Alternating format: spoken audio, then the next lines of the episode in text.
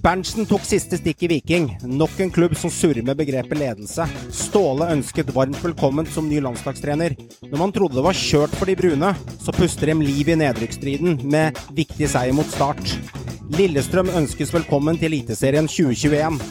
Vålerenga tok knekken på Rosenborg. Det var det fjerde tapet på Rosenborg på rad. Når skjedde det sist? Vi skrur tiden 15 år tilbake. Medaljeprat og bunnstrid, det er trøkk i vente. Velkommen til en ny episode av Synseligaen.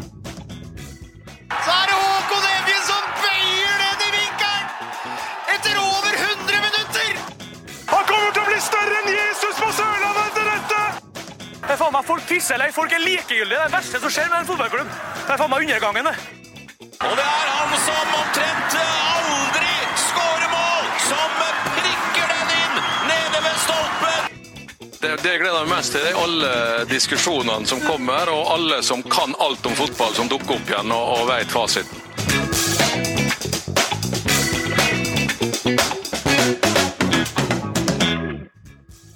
Velkommen, gutter. Eh, Panelet er fulltallig i dag. og Det er litt underlig å sitte her da, med denne serierunden. og Håvard, du er det eneste laget av oss eh, fire som jeg faktisk ser på her, som faktisk får med, får med seg poeng ut av runden her. Utenom Strømsgods og Brann er de to lagene som får med seg poeng, men Stabæk og Rosenborg går på forsmedelig tap.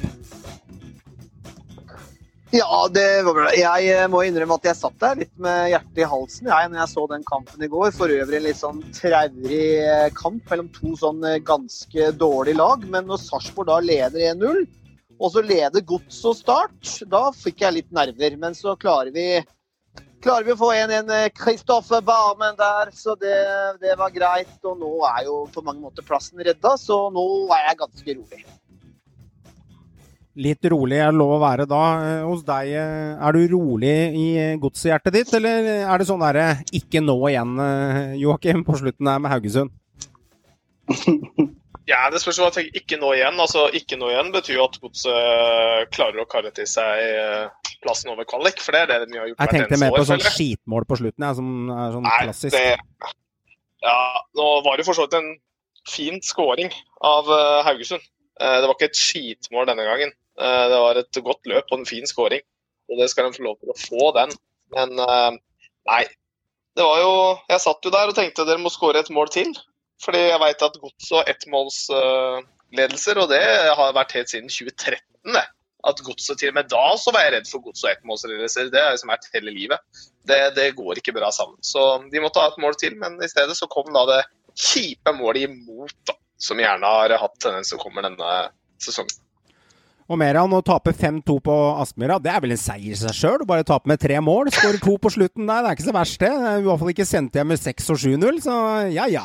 Ikke sant? Snu, snu, snur man på det 5-2 eller 3-0, det er liksom 5-2 høres i hvert fall ut som du var med i matchen, da.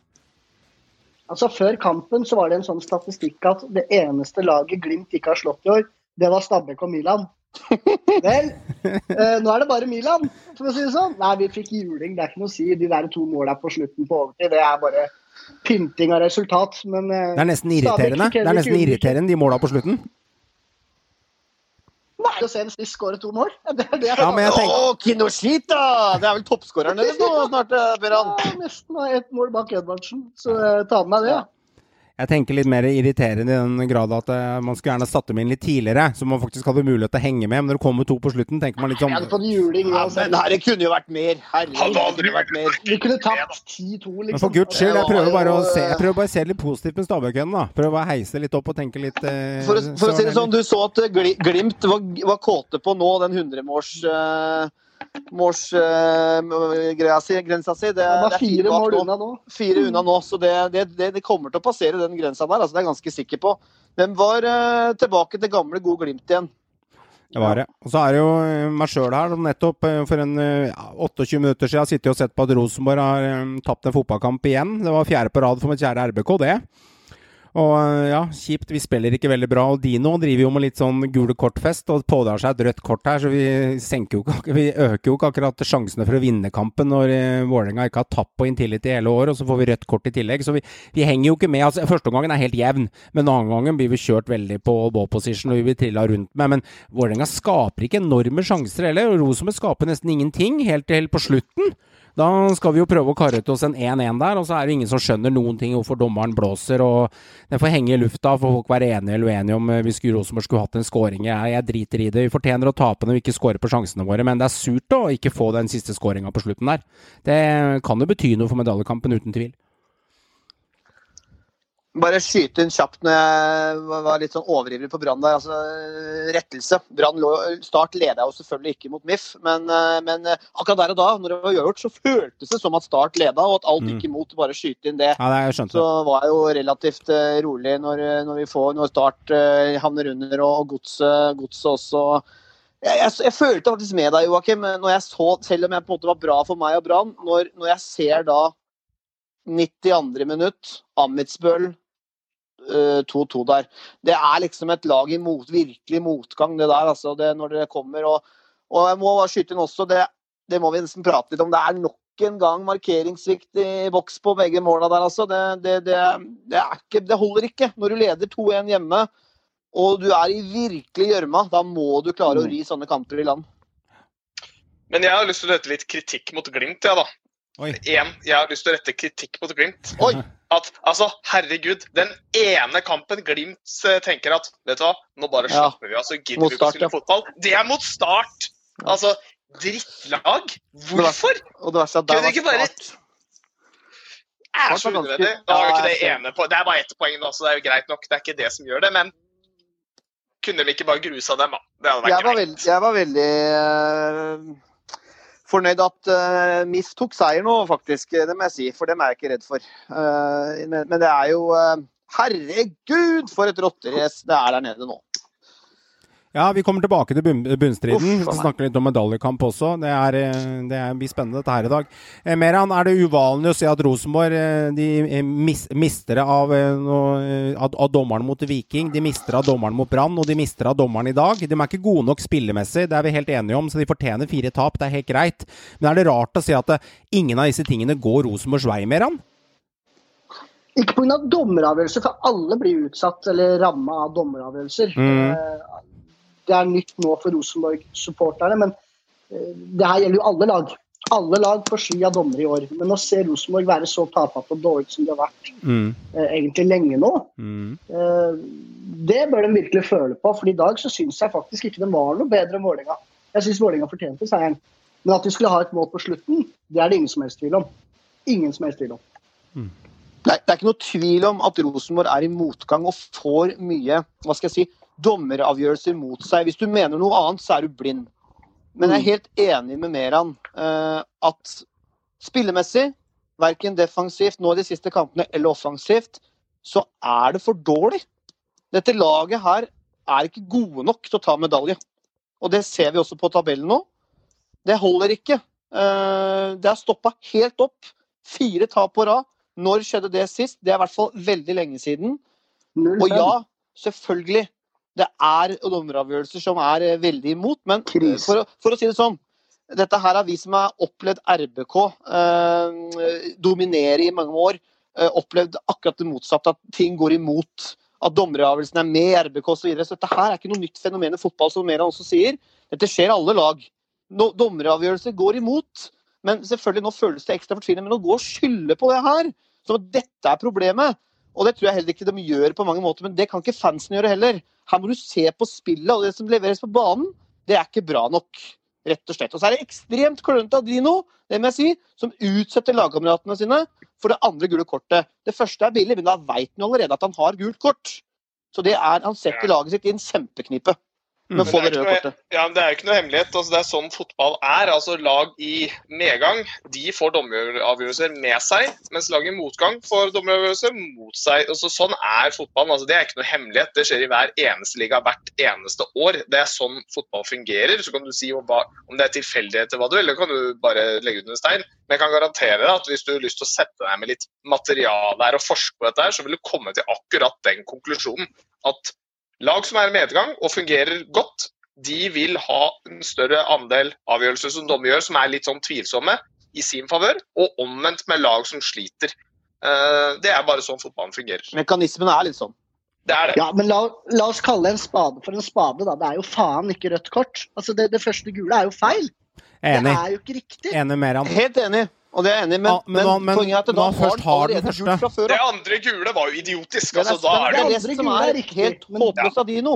Det er jo en kjempestemning. Stempling. Det er jo Enig. nesten oransje. Enig, det interessante er er veldig klønete. men det interessante er når du først har det, når du først har fått den advarselen, så må du passe deg litt, vet du. Eh, For da Da skjønner må du du men- det men- i. Men hva skjer, på, slutten der, da? Hvorfor ble ikke det mål? Ja da, vi kan Hvorfor diskutere det huet og ræva, men eh, det er, vi kan ikke skylde på dommerne, har vi hørt, så vi må akseptere det, og det er en del av greia. Jo, vi kan skylde på dommerne, dommeren. jeg er Den kampen der. Det, Du jeg, kan skylde på dommeren, men poenget er at dette her er ikke heller. det som er det store Nei, vi kan skylde på ham, sier jeg, men det er ikke det største problemet med RBK. nei, Nei, men det Det er er ikke. Men hør nå, du kan ikke legge dommeren på at RBK taper nå må vi før vi kaster oss ut og sier at vi kan ikke legge på det Jeg kjenner ingen RBK-supportere. Jeg hører på ganske mange Rosenborg-podder, og jeg kjenner litt Rosenborg-supportere på si. Hittil de siste fire kampene så har jeg ikke eh, Bare hørt på si, noe eh, Ja, på sida. Jeg har hørt at ingen oppriktig skylder på dommeren at Rosenborg har tapt fire fotballkamper. Det er bare noe folk tror. Rosenborg-fansen skylder på at Rosenborg ikke har spilt bra nok. Men de stiller spørsmålstegn ved dommerstaben generelt, det- og det er lov å Det gjøre. gjør vi hele Og det har jeg gjort i hele år. I hele år har jeg gjort det, for jeg syns det er for drøyt. Og når jeg åpner Eurosport, jeg skal la den eh, ligge eh, i vinden, så stier, eh, sier eh, Hareide nå helt sinnssykt. Jeg er så lei norske dommere, står det i hovedoverskrift. Jeg Ja, ikke det tenkt, skjønner Jeg jeg. har ikke tenkt å trykke inn på den. Han kommer sannsynligvis til å få en eller annen, eh, en eller annen eh, advarsel der på det, for vi skal egentlig ikke ut og kritisere dommerne. Man blir irritert, men sånn er det. Vi er ikke gode nok heller. Så det kan være en annen, eh, annen debatt. Men Men jeg syns det har vært mye år. Jævlig mye avgjørelser i år. Men alle er drittlei norsk dommerstand. Ja. Det holder ikke mål. Og det her er ikke bare Rosenborg som opplever. Jeg, mitt kjære Brann, også mange andre lag, så å si alle lag, har utrolig mye altså ting som går imot. Det ødelegger jo kamper. Ikke sant? Det ødelegger jo for dynamikken i kamper. At dommerne stjeler hovedrollen. Det, det har kanskje aldri vært lavere nivå Nei. på norsk dømming. Det har ikke det. det, har Du kan jo ta oss og spørre Mjøndalen hva de syns om dommerstaben i år. De har blitt, de har blitt utsatt mye.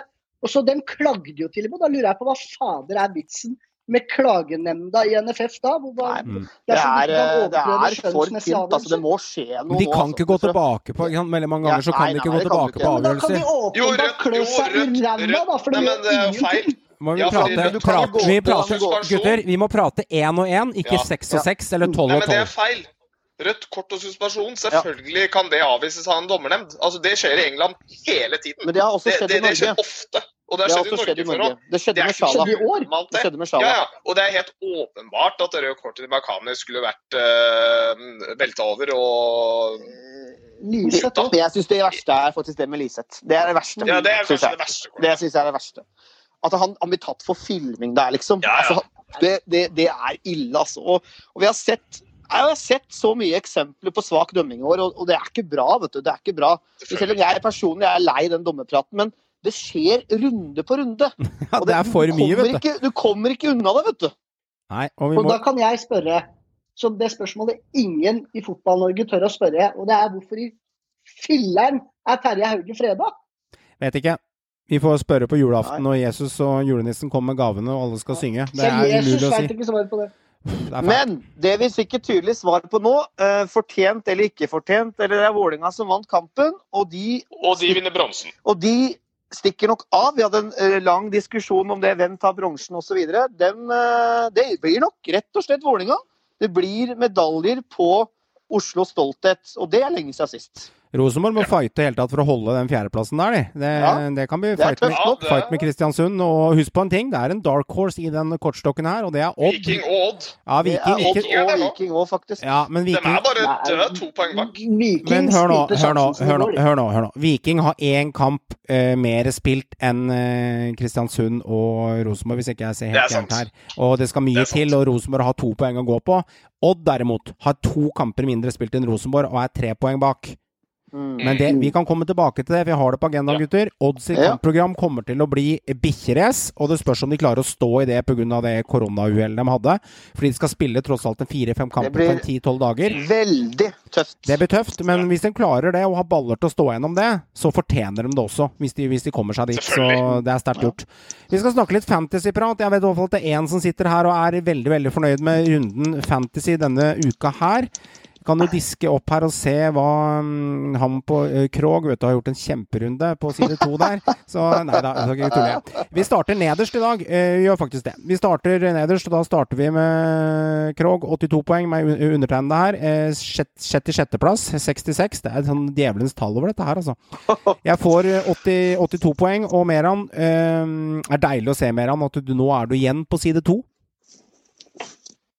Er det? Ja, du er på 51.-plass. Jeg er på- Nå må du kun forholde deg til på side Å, to. Ja, ikke sant? Du går nedover, Ja, to, poeng, to poeng opp. Ja, det, det er annenhver runde, dette her. Du fikk 76, og det som skiller Nå snakker vi ikke vi med deg mer.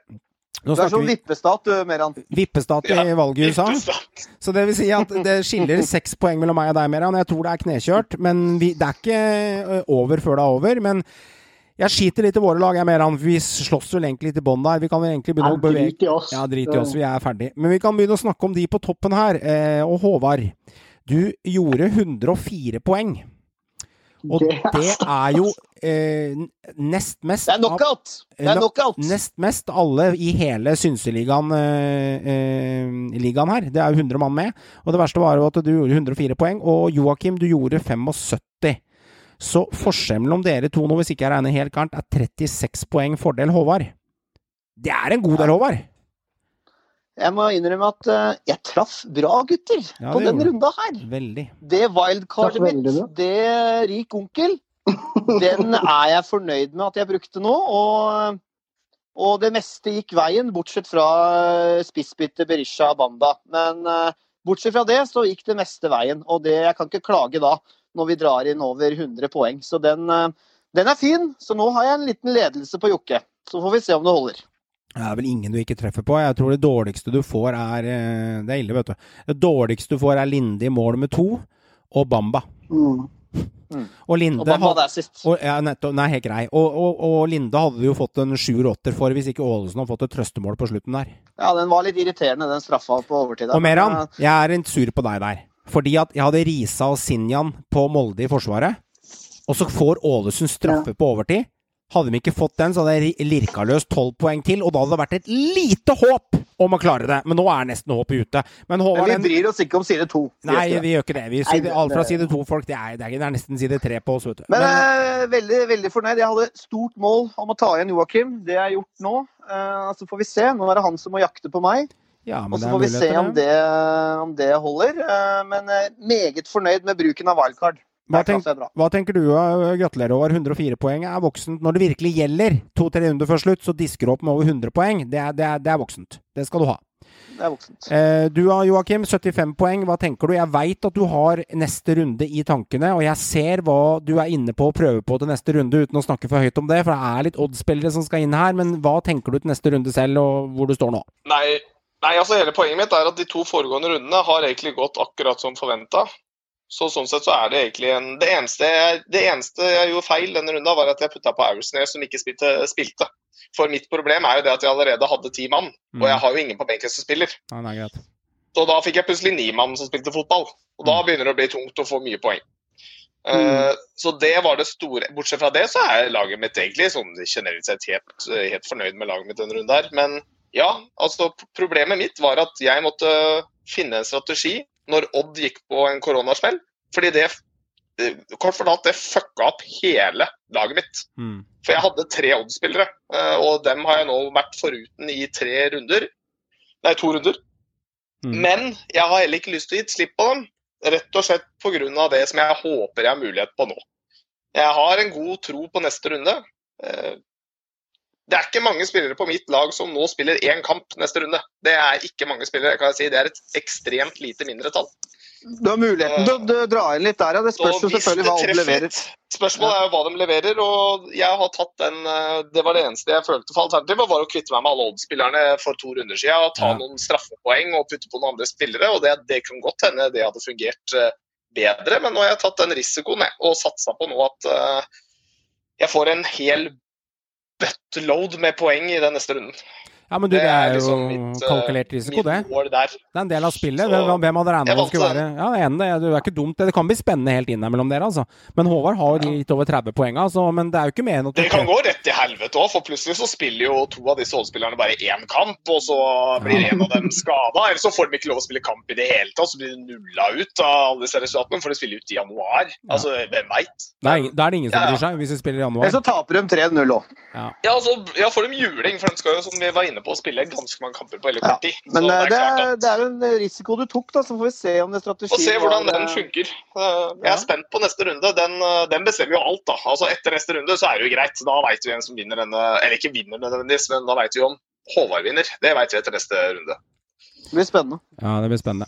La oss prate litt om Tromsø og Lillestrøm. Eh, ta litt om de. Det er litt artig å kunne hamre løs på de. at de faktisk, Tromsø var et lag jeg skal være første til å rekke opp hånda og si at jeg hadde ikke troa på at Tromsø skulle gå opp i årets eliteserie. Det meldte jeg tidlig. Jeg trodde de ville slite med både alt fra trener til spillelogistikk, til at de hadde kvitta seg for mye Espejord ut, det var for mange ting. Men så feil kan man ta, gitt, dette koronaåret. Er vi imponert over det Tromsø og Lillestrøm har gjort? Særlig med tanke på den stallen Tromsø hadde Håvard før sesongen, og Lillestrøm fikk en veldig, veldig skeiv start. Altså, jeg, jeg syns vi skal gratulere begge laga eh, med opprykk. Eh, Det er to lag som på mange måter hører hjemme i Eliteserien, det, det vil jeg si. Eh, Så all honnør til guttene, som virkelig har imponert. Det både når, faktisk med tanke på spillelogistikk og måten de har spilt fotball på. og og eh, de har løst den floka med Vallakari på en veldig god måte. Henta inn eh, lokale Gaute Helstrup fra HamKam, som kjenner klubben godt. Han har gjort en kjempejobb. Og så har de hatt gode signeringer med Ruben, Yttergård Jensen, Lars Sætra, ikke minst Erik Kitolano, som har storspilt. Eh, nok en Kitolano-bror der som, som gjør det bra. Vært ekstremt god, og, og, og så fikk jo faktisk også henta inn godeste Tromsø store sønn Espejord på lån der, som har vært med nå å sikre opprykket. Og, og, så Tromsø har gjort det bra, og, og Lillestrøm må vi også berømme. Eh, hadde en elendig start. Det var jo helt krise der. Lå jo ned, altså under midten. Og, men har kommet mesterlig tilbake og, og har klart å forsvare det favorittstempelet de hadde. Og, det må vi gi honnør, for det er ikke bare å komme tilbake der og, og, og når du har en så dårlig start. Det står jo helt, helt, helt mørkt ut. Og så har de sakte, men sikkert bare spist seg innpå og rykker fortjent opp, naturlig nok nå. I mine øyne, når det kommer til Obos-ligaen, så er det ganske greit. Jeg, jeg, altså, de fire som ligger i toppen, de, det er de fire som skal ligge i toppen. Og i mine øyne så ligger de helt, eh, egentlig helt riktig plassert, med unntak av at Lillesund skulle ligget på toppen. sånn hvis du tar alt fra starten av. Men det har noe med starten de fikk. da. De lå og kara seg ned på 12.-11.-plass i ganske mange runder. Sier seg selv at da må du hente inn litt. Men det er jo de to lagene som skulle rykke opp, de har rykka opp. Så enkelt er det bare. Det er de som, altså, Jeg husker ikke den settingen der, men jeg mener, og dere får godt arrestere meg på det, jeg mener at jeg sa at det laget som kom til å slite mest, var Ranheim. Jeg er ganske sikker på at jeg sa det. Det kan godt hende. Jeg bare har ønsketenking fra min side, men jeg mener jeg sa det. og det er fordi at det er mye vi sa det før kan godt, altså Jeg er helt enig med det vi sa med Tromsø, men igjen, det laget altså, de, de skal De har en helt annen altså Det laget, både i forhold til hvordan struktur du har rundt rammene rundt og laget du har, skal være bedre enn i hvert fall 12-13 av de lagene som ligger der med god margin, selv med litt skadeskuddtropp. Men det er klart et lag som Sogndal kunne blitt tøft dersom et lag de ikke hadde levert. Sogndal har jo vært og snusa hele veien. Og dem har vært gode også. De, så det er eh, de lå bra an en periode. riktig plassering. Jeg det er helt Jeg er riktig glad de ikke klarte Det Men, men gutter, det, altså Obos-ligaen er litt sånn jalla-liga for meg. Altså, det er ikke noe gærent i det. Er lik Kokos-ligaen. For det, det er sju poeng som skiller fra, fra å blande seg inn i bånn er der til å, til å ha kvalikplass, liksom. Til å begynne å spille en kvalifisering, liksom, og havne i den potten på tre-fire stykker. HamKam lå helt fortapt med brukken vinge, og nå er de oppe på ypper. Altså, det snur fort der, altså. Det skal sies at HamKam var jo desidert sist. Ja. Og de, de, de, de tapte jo seriøst altså den, på overtid kanskje sånn fem-seks kamper på rad. Det var jo helt krise. Og så har faktisk Kjetil Rekdal kommet inn der og berga HamKam. Og målet har hele tida vært å, å redde klubben fra Nerik, og det har han klart. Og også kjempa nå til det siste om, eh, om playoff, men den røyk nok i dag, så vidt jeg veit. Ja, den røyk i dag. Den var ikke Den i dag. Ja, så, så, men, men uansett, har Eka har gjort en god jobb med HamKam, og, og også fått midler til å hente mye spillere, det skal sies. Men ærverdige Kongsvinger eh, rykka ned i dag. Eh, Der er det kjempeunderprestering. Det var et lag som var spådd i toppen, Ja. og den ender desidert sist. Så mye kan skje i Obos, det er ikke noe tvil om. Men Tromsø og Lillestrøm, velkommen skal det være. Meran, vi kan avslutte praten på Tromsø og Lillestrøm. Har du noe forhold til en av de lagene, Meran, i positiv eller negativ forstand? Eller er det sånn nøytralt, gå videre? Eller er det noe et eller annet du liker med med en av, en av, en av dem? Nei, jeg liker at Lillestrøm er oppe igjen. Det er, det er et lag som skal være i Eliteserien, og, og det skaper jo blest med kampene Lillestrøm, eh, Vålerenga bl.a. Så, Mm. så jeg er veldig fornøyd med å ha Lillestrøm oppe. Det er bra. Gutter, vi kjører quizen litt tidligere i dag, så det blir rett og slett av at eh, Joakim, du blir med oss fram til et visst tidspunkt her, for du har en liten avtale med jobben etterpå som du må følge opp? Ja. Hvis jeg har forstått det riktig? Helt riktig. Good. Hei sann, det er Lars Jørgen Salvesen fra Godset her. Nå er det tid for quiz, gutter. Spis ørene, gjør dere klare. Nå skal det kjempes om poeng. Da blir det litt tidligere quiz i dag. Jeg pleier å kjøre den litt lenger ut i programmet for de som er faste lyttere av oss. Men, men vi må gjøre det sånn, for du må være med oss en eh, 25 minutter til, eh, Joakim, før du må stikke og gjøre litt jobb her. Og det er helt eh, naturlig, og sånn jobben går først. Dette her er hobby, og da må vi tilpasse oss. Fleip eller fakta, gir ett poeng. Det er en påstand. Enten så er det fleip eller fakta. Svar skyldig, gir to, to poeng. Da svarer du selvfølgelig med frimunn på hva du tror det er. Og så hvem er jeg til slutt? Det gir tre poeng, gutter der man tipper eh, hvilken spiller jeg skal prøve å beskrive med hint og stikkord. Og Vi kan jo gjøre det veldig enkelt her og fortelle om at eh, nå så har Håvard 81 poeng, Meran har 57 og Joakim har 33. 81, 57, 33. Det er stillingen. Hvem skal starte i dag, og hvem skal være noe i midten og avslutte? Hvor er deres? Det er jeg til å starte nå, tror jeg. Joakim er Jeg kanskje? Jeg tror det er jeg til å starte nå. Jeg tror jeg var midten sist, for jeg var slutt, da. Greit. Da blir det Meran i midten, og så blir det Håvard til slutt. Ja, men det er greit. Da starter vi. Fleip eller fakta? Du får tre påstander. Det er kun fleip eller fakta som er riktig, Joakim. Du du er med meg? Mm. Ja. Er du klar? Ja. Det er seks kamper siden Sarp vant en fotballkamp sist. Ikke lov å sitte med tabellen i dag, jeg bare sier det til gutter, for det er litt tabellspørsmål Ja, ja. eller statistikkspørsmål. Hvis dere har det, så må dere få det vekk. Det er seks kamper siden Eh, uh, Sarpsborg 08 vant en fotballkamp sist. Så fleip. Det er riktig. Det er ni kamper siden. Å, fy faen. Ja, ja, det er, det er riktig. Det er riktig, Det er men på feil, på feil bakgrunn. Ja, du trodde det var fem, du, liksom, og jeg lurte deg litt. Ja, det er skikkelig, det er ni. Herregud, da. Ja, greit. Fint. Kallenavnet, kallenavnet til John Carew er Lille-John.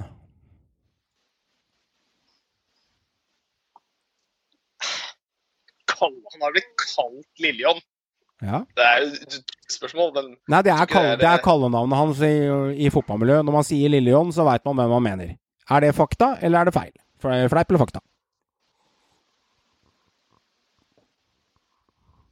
Nei Fleip. Det er fakta. Per-Mathias Høgmo trente én svensk klubb en del år tilbake. Denne klubben er Djurgården. Fa øh, fakta. Det er riktig. 2013, Djurgården. Ja. Meran, er du klar? Ja. Du stikker av med to poeng, Joakim. Ja, greit. Jævla Lillion. Lillejon. All, alle lag i Eliteserien har vunnet minimum én hjemme, hjemmekamp hver i år. ja, det er fakta, det. Det er riktig, Meran. Til og med Ålesund har gjort det. Til og med Ålesund har vunnet. Ståle Solbakken spilte i to engelske klubber. QPR og Wimbledon. Fleip. Det er riktig. Spilte kun i Wimbledon. Doffen har en bror. Han heter Ole Martin Hæstad.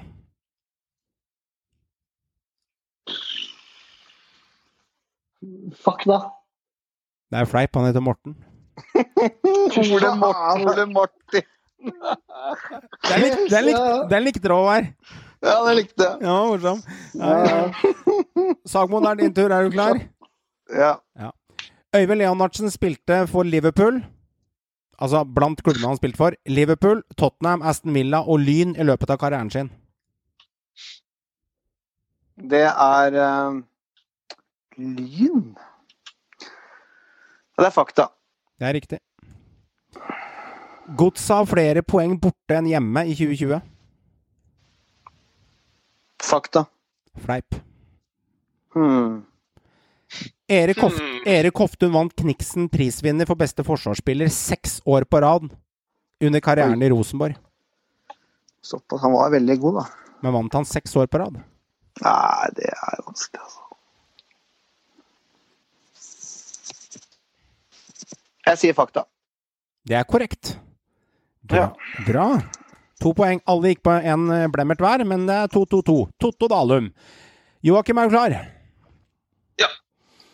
Hvilken spiller, eh, spiller har flest assist for Brann i 2020? Mm.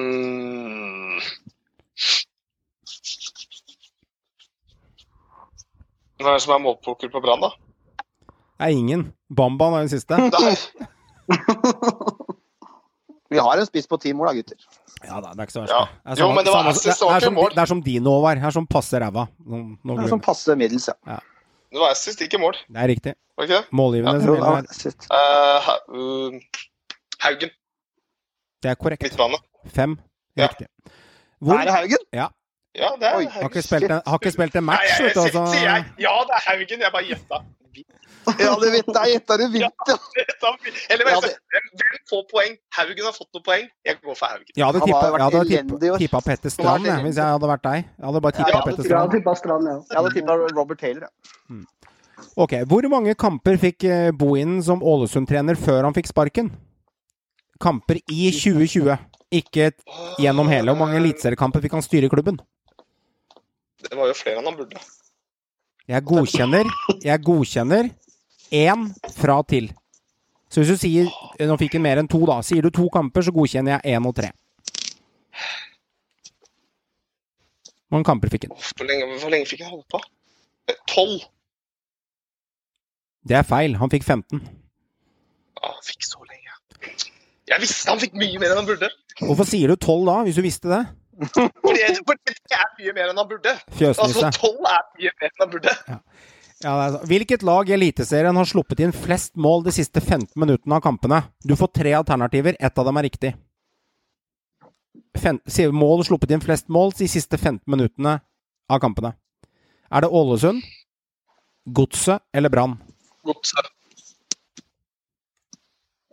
Ja, jeg er ganske sikker. Det er ikke lenge siden. Jeg mener det ble snakka om for ikke så lenge siden. Og du, du svarer Godset? Ja. Det er korrekt. Ja, Meran. Da blir det Du stikker av med fire poeng, du. Det er er to toere. Det er bra. Fire, fire poeng er pent. Meran, er du klar? Kjør. Hvilken spiller har flest assist for Odd i 2020? Det er Elbar Ashani. Espen Ruud, åtte. Å, fytti grisen. Ja. Han er jo alltid Assis-kongen. Jeg må jo putte den på. Ja. Fra, fra hvilken klubb eh, kom Sinjan før Molde? Lillestrøm. Det er korrekt. Hvor mange røde kort har Glimt fått i år? Du må treffe nøyaktig på antall. Én. Ett. Det er riktig. Husker du hvem spiller? Var det ikke Lode? Nei, Poeng, mer. Er ikke bonuspoeng å hente, men det er helt riktig. Det er Marius Lode. Det var Lade. Det var Lade. Lade. Det var den franske Lade. Ja, Mot Vålerenga, var det ikke det? ja det veit jeg ikke. Det vet jeg ikke. Det husker jeg ikke. Håvard, er du klar? ja. Hvor mange mål har Veton Berisha skåra for Viking i 2020? 14. 15. Nei, Har han 15? det er feil. Ja, okay, da Hadde 12. ja, får vi gå inn og, Skårte to sist. får vi gå inn og se, da. Liksom, Alt om fotball. Ja, se, se hvis dere er uenige, så Du må ikke gå på fantasy, du må gå på alt om fotball. Ja, jeg skjønner det. Skjønner det. Skjønner det. 15. Står det det? Ja. Ok, da får jeg ta den. Jeg var sik sikker på det var 14, men det er greit. Kan ikke lære faren din å pule, han som som er gamle uttrykket. Det blir litt sånn over Han det. har faen meg 15. Ja, ja. 15. Er, jeg var sikker på det var 14. Ja, men ok. Det er bra, det er bra levert. Det er bra levert, bra levert. To lag i Eliteserien har spilt mest uavgjort hittil i år. Det ene laget er Stabæk. Hvilket lag er det andre? Mest uavgjort. mm. Eh, eh, eh, eh, eh, Godset. Det er begge laga til Meran, er det ikke det? Kristiansund. De taper Ja. Håvard. KBK, faen. Godset. Har ti, da, så de er ganske Det er mye, det. Det er mye, det òg. På neste, Den er vel ikke på, langt bak. på neste spørsmål, Håvard, så godkjenner jeg, så godkjenner jeg bom med én. Ok. Men Det vil si at du har én opp og ned. Det er spilt 28 kamper i årets eliteserie. Hvor mange kamper har Bamba starta de for Brann? Uh, han, det er, det er spilt 28 kamper. Eh, jeg, jeg, jeg tror han har Brann har spilt 28. Hvor mange av de har han Ja. starta? Jeg skal antall starter. Og du har bomkamp jeg, jeg tror det er uh, 20, uh, 26. Det er feil. Han har starta 28. Alle matchene. Ifølge alle Nei. fotball. Jo. Starta matcher. Absolutt alle. Sjekk. Jeg trodde han hadde stått over et par, faktisk. Ja, det trodde jeg òg, helt til jeg sjekka det. Så svaret er 28. Du svarte 26. Du kunne truffet på 27. Null poeng. Ok. Ok. Da blir det null poeng ut derfra. Da gutta fikk 4-4 og null på deg. Da kjører jeg Hvem er jeg? Eh, vi er tre, tre spillere. Dere kjenner reglene. Må si navnet. Er vi enige? Ja. Enig. Aktiv enda. Vært med i mange år. Er i Eliteserien. Rutinert spiller. Jeg kan beskrive han som bakromstruende. Smart. Kanskje noe underpratet. Men han er på toppen av karrieren sin. Usikker på hva han faktisk gjør neste år, selv om han har kontrakt med klubben sin. Det er min synsing av det. Han er faktisk litt yngre enn jeg trodde, men han er over 30 år. Toppårene hans er fra 2006 til 2010 i norsk fotball. Han har over 300 kamper i toppdivisjonen, og har skåret 44 mål. Så han skårer i hver åttende match. Åttende-niende match. Debuterte i 2006 mot Stabæk. Masse U-lagskamper. Uh, Ingen A-lagsmann. Spiller med drakt nummer 14.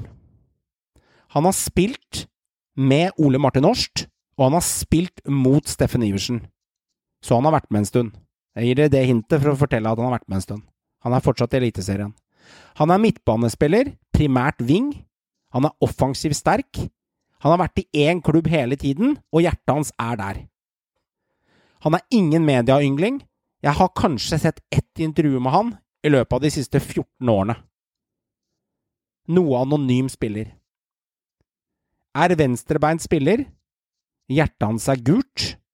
Han kommer fra Kristiansand. Kom til start Håvard Ja, Espen Børresen. det er korrekt, Håvard. Tre poeng. Du så bitter ut, Meram. Åh, ja, jeg tok den rett etter Håvard. Det tok lang tid før jeg tok den. Altså. Ja, er Jeg hørte hjertet, hjertet er gult, så var jeg ganske sikker. ja, da Ok. Aktiv enda, god eliteseriespiller. Årets sesong omtaler jeg litt som Bob-Bob. Men vi snakker om en kvalitetsspiller. Han har en fin fot. Han har overblikk over spillet sitt. Debuterte på A-lagsnivå i Norge, for et klubb altså, i 2012. Vært med en stund, altså åtte år. Han er ikke fullt 30 år enda. Har sine beste år foran seg erfaren til at han er en passe ung spiller, men jeg sier passe ung, han har ikke noe talent. Vært i samme klubb i siste åtte årene. Hjertet hans er der. Masse U-lagskamper, ingen A-lagsmann dette heller. Han skårer i hver sjuende og åttende kamp han spiller i snitt, ifølge statistikken.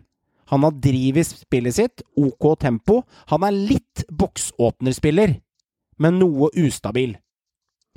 Spilt europakamper og kvalikkamper for norsk lag. Har internasjonal Jeg gjennomfører setningen. Har internasjonal erfaring ved å spille en god del europakamper.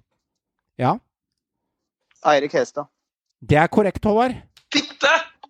Oi. Oi, Det- det var jo kanskje ikke helt riktig. Det- Det må vi kutte. Vi, vi, vi tar ikke vekk den, men vi sier bare beklager, og Nei, sånn er det bare. Så sorry, feil skjer. Det er sterkt med hestas. du var, nesten, du var- du var nesten på den, eller, med Joakim? Ja, Jeg tok jo når du sa Europa. Da var det Hestad. Okay. For en gangs skyld, da var du nære, Joakim. Ja, der var jeg. Det var dritt. Jeg tok den ikke. Jeg skal innrømme det. Det er ikke lett. Var Jeg var ganske sikker når du sa Europa der, og klubbspiller. Den, eh, Og Ok. han har driv og skårer mye mål. Eh, aktiv enda var i Norge fra eh, 2008 til 2013-sesongen. Jeg kan omtale ham som en litt intens spiller med driv i spillet sitt. Han er en duellsterk, kanskje noe ineffektiv fra ti meter og inn, slik jeg husker han. Skåret hjem til Norge. Han kan minne litt om Ventum Berisha i spillestilen, om jeg skal beskrive typen. Han er spiss, har spilt for Lyn i Norge, men Jeg må fullføre setningen. Ikke heng deg opp i det, for han fikk få kamper i Lyn. Ja, David Claude Anga. Det er hofta. nei, det er det ikke. Har, han er, minner meg ikke om Eton Berisha, men det er greit. Har tre Nei, men du sa ikke effektiv. Ja, ja, men det er mange spisser som ikke er. Har tre eh, utenlandsklubber bak seg allerede. Masse eh, eh, eh, Masse U-lagskamper, men få A-lagskamper. Men har noen få, han også. Han er snart 30 år, temmelig erfaren, kanskje noe glemt av enkelte som ikke følger det godt nok med. Jeg tipper han kanskje er hjem til Norge innen noen år, men det er bare kanskje. Har hjerte i to norske klubber. Dere vil skjønne det hvis jeg har sagt hvem det var, men det gjør jeg ikke. Han har en god karriere i Norge før utlandet, i begge disse to klubbene. Har spilt i Østerrike og i USA. Joakim. Ja, vi gjennomfører det jeg skal si. Spennende klubber han har vært i, blant annet én Red Bull-klubb. Hvor er ditt? Uh, nei, nå tror jeg røk på den jeg trodde det skulle være. For å tippe den trodde den skulle være. For det, du har jo sagt Uh, Ola Kamara. Det er ikke riktig. Nei. Gikk fra Lyn til Molde før utlandet. Opphold tidlig i karrieren i Lillestrøm. Hjertet hans i Norge er i Lillestrøm og i Molde. Da må jeg bare fortsette. Jeg trodde dere skulle være her nå. Ok. Eh, Det er bare Håvard igjen. det er bare Håvard igjen. Eh, denne spilleren, hva skal jeg si for noe? For nå har jeg ikke mer hint om. Første gang vi har gått tomme for hint. ever. Jeg eh, bare venter ut, jeg. Jeg har ikke noe Ja, men da er vi jo ferdig, da. Jeg er ferdig. Si hvem det er, da. Ja, nei, jeg må jo gi noen hint her, da. Han, eh, han Ja, men karrieren, hans, karrieren hans var fra øh, Var fra Ja, hva det ender med til slutt her? Han var i Lillestrøm, han var i Molde. Han jeg leverte kan må si det. Jeg kan si det navnet. Ja, men da kjører du, da, hvis du har den. Ja, ja. Ja, Fredrik Gulbrandsen. ja da, det er riktig. Det er, det, det er bra. Tre poeng. Du fikk alle tre. Ni Gutta boys! Tre strake der, vet tre strake. Det er første gangen vi Ja, har det er gått. Det er første gangen vi har gått tomme for hint på en spiller, og det vil si at den var ganske vanskelig. Og da Ja, choka du men, det, men, flere hint. men, men, eh, men eh, det var ikke det klareste hintet du har gitt der. Men eh, jeg var ganske sikker. Men jeg stussa litt på Lyn, for han er ikke noe lynspiller for meg overhodet ikke. Ikke for meg heller. han er, han er, det er Lillestrøm han er kjent for, Mm. og Molde. Mm. Men hva Så sa jeg om Lyn, da? Ja, du sa han har vært innom. Jeg sa ikke heng deg opp i det. Han Ja, har kamper ja. for dem. Og, og Østerrike og, og USA, den biten der. Og, men du kunne kanskje nevnt at han er i Tyrkia, og han er, eh, spiller på et bra Ja, lag men, i det, Tyrkia. men jeg har vært i en Red Bull salgsklubb. Ok, jeg har mange måter å gjøre det på. Men, Jeg men eh, jeg tok den. Jeg, jeg, jeg tok han. Jeg tok han. Jeg tok han. Det gjorde du. Men da gjør du ganske reint bord på eh, hvem er jeg. Du stikker av med ni poeng der. Så ni pluss tre er tolv, pluss tre er 15. Det er 17 poeng, altså. Altså 17 poeng, altså. Det er sterkt. Det er storeslem. Det er storeslem. Det er storeslem. Og så er er det, så er det seks poeng på Meran, og så er det seks poeng på Joakim. Så dere blir litt sånn der andre tapersplass. Dere får så mange Er andreplassen her. Jeg blir litt sånn Bodø-Glimt i denne her quizen her, jeg. Ja, det gjør du faktisk. Her, eh, her er det reint bord. Så det, det er bra. Det er bra jobba, Håvard. Det er godt levert. Jeg må si det, det, det er imponerende. Takk, takk for det. Ja, det er imponerende tall, altså. Det er ikke Du har ikke kimsa der, faktisk. Det er eh, Å å klare 17 poeng sånn, det er ikke bare bare. Vi snakker Ja, det er, det er veldig bra. Det er veldig Det bra. er veldig bra. Eh, det vi gjør nå, er at vi hopper over til eh, Jeg tenkte vi skulle surre i gang et nytt tema, gutter. Og mm, medaljepraten tenkte jeg vi skulle ta litt nå. Molde har tatt dette sølvet. Og så kan vi jo begynne å snakke om at er Vålerenga-Rosenborg var inne på det i stad. Er det, er det delt ut nå, gutter? Eller er det mulig at Vålerenga kan surre vekk det her? Vi snakker om et lag som ikke er i kjempeform heller, Vålerenga. Og du, det er jo aldri slutt, Håvard, før det er slutt når Rosenborg er en del av denne tabellen her. Ja, men jeg tror bare ikke engang roter det bort. De er så solide. Det er ikke det at de er så gnistrende gode offensivt, men de taper jo nesten ikke kamper heller. Mm. Ikke sant? De, får, de er gjerrige bakover. De, eh, jeg tror de klarer å De har ikke vært solide før den seieren her, og de var ikke kjempesolide i dag heller. Eh, Men de får nok poeng, da. Og nå har de, hvis ikke jeg så feil, har de ikke seks poeng på RBK nå? Jo. Ikke sant? Og, og da, da, da Og det skal er de to, ro... skal rote mye. Du skal, ro, du skal rote en del på slutten. der. Denne her kampen følte jeg var veldig avgjørende for RBK. For da kunne de utligna, og i tillegg da hatt én kamp til gode. Og det, og det gjorde de da ikke, ikke, ikke sant? Og, og jeg, jeg klarer ikke helt å se at Odd og KBK skal ta igjen Enga heller. Altså det, det, det klarer jeg ikke å se. Så jeg tror at eh, bronsen går til Oslo og, og Vålerenga.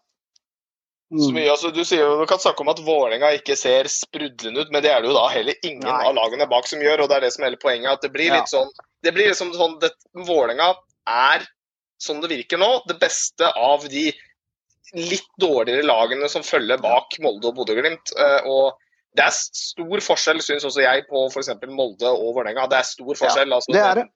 det, det er det. De har vært vesentlig bedre, selv om kanskje ikke poengsummen er så, så stor differanse, har vært vesentlig bedre. Men nei, jeg ser ikke at de det er, du må det er snakk om maks tre kamper. da, altså RBK kan ta noe maks ni Ja. poeng. og Det vil da si at Vålerenga skal da ikke vinne en eneste kamp i slutten, og RBK skal vinne Ja. alle sine tre.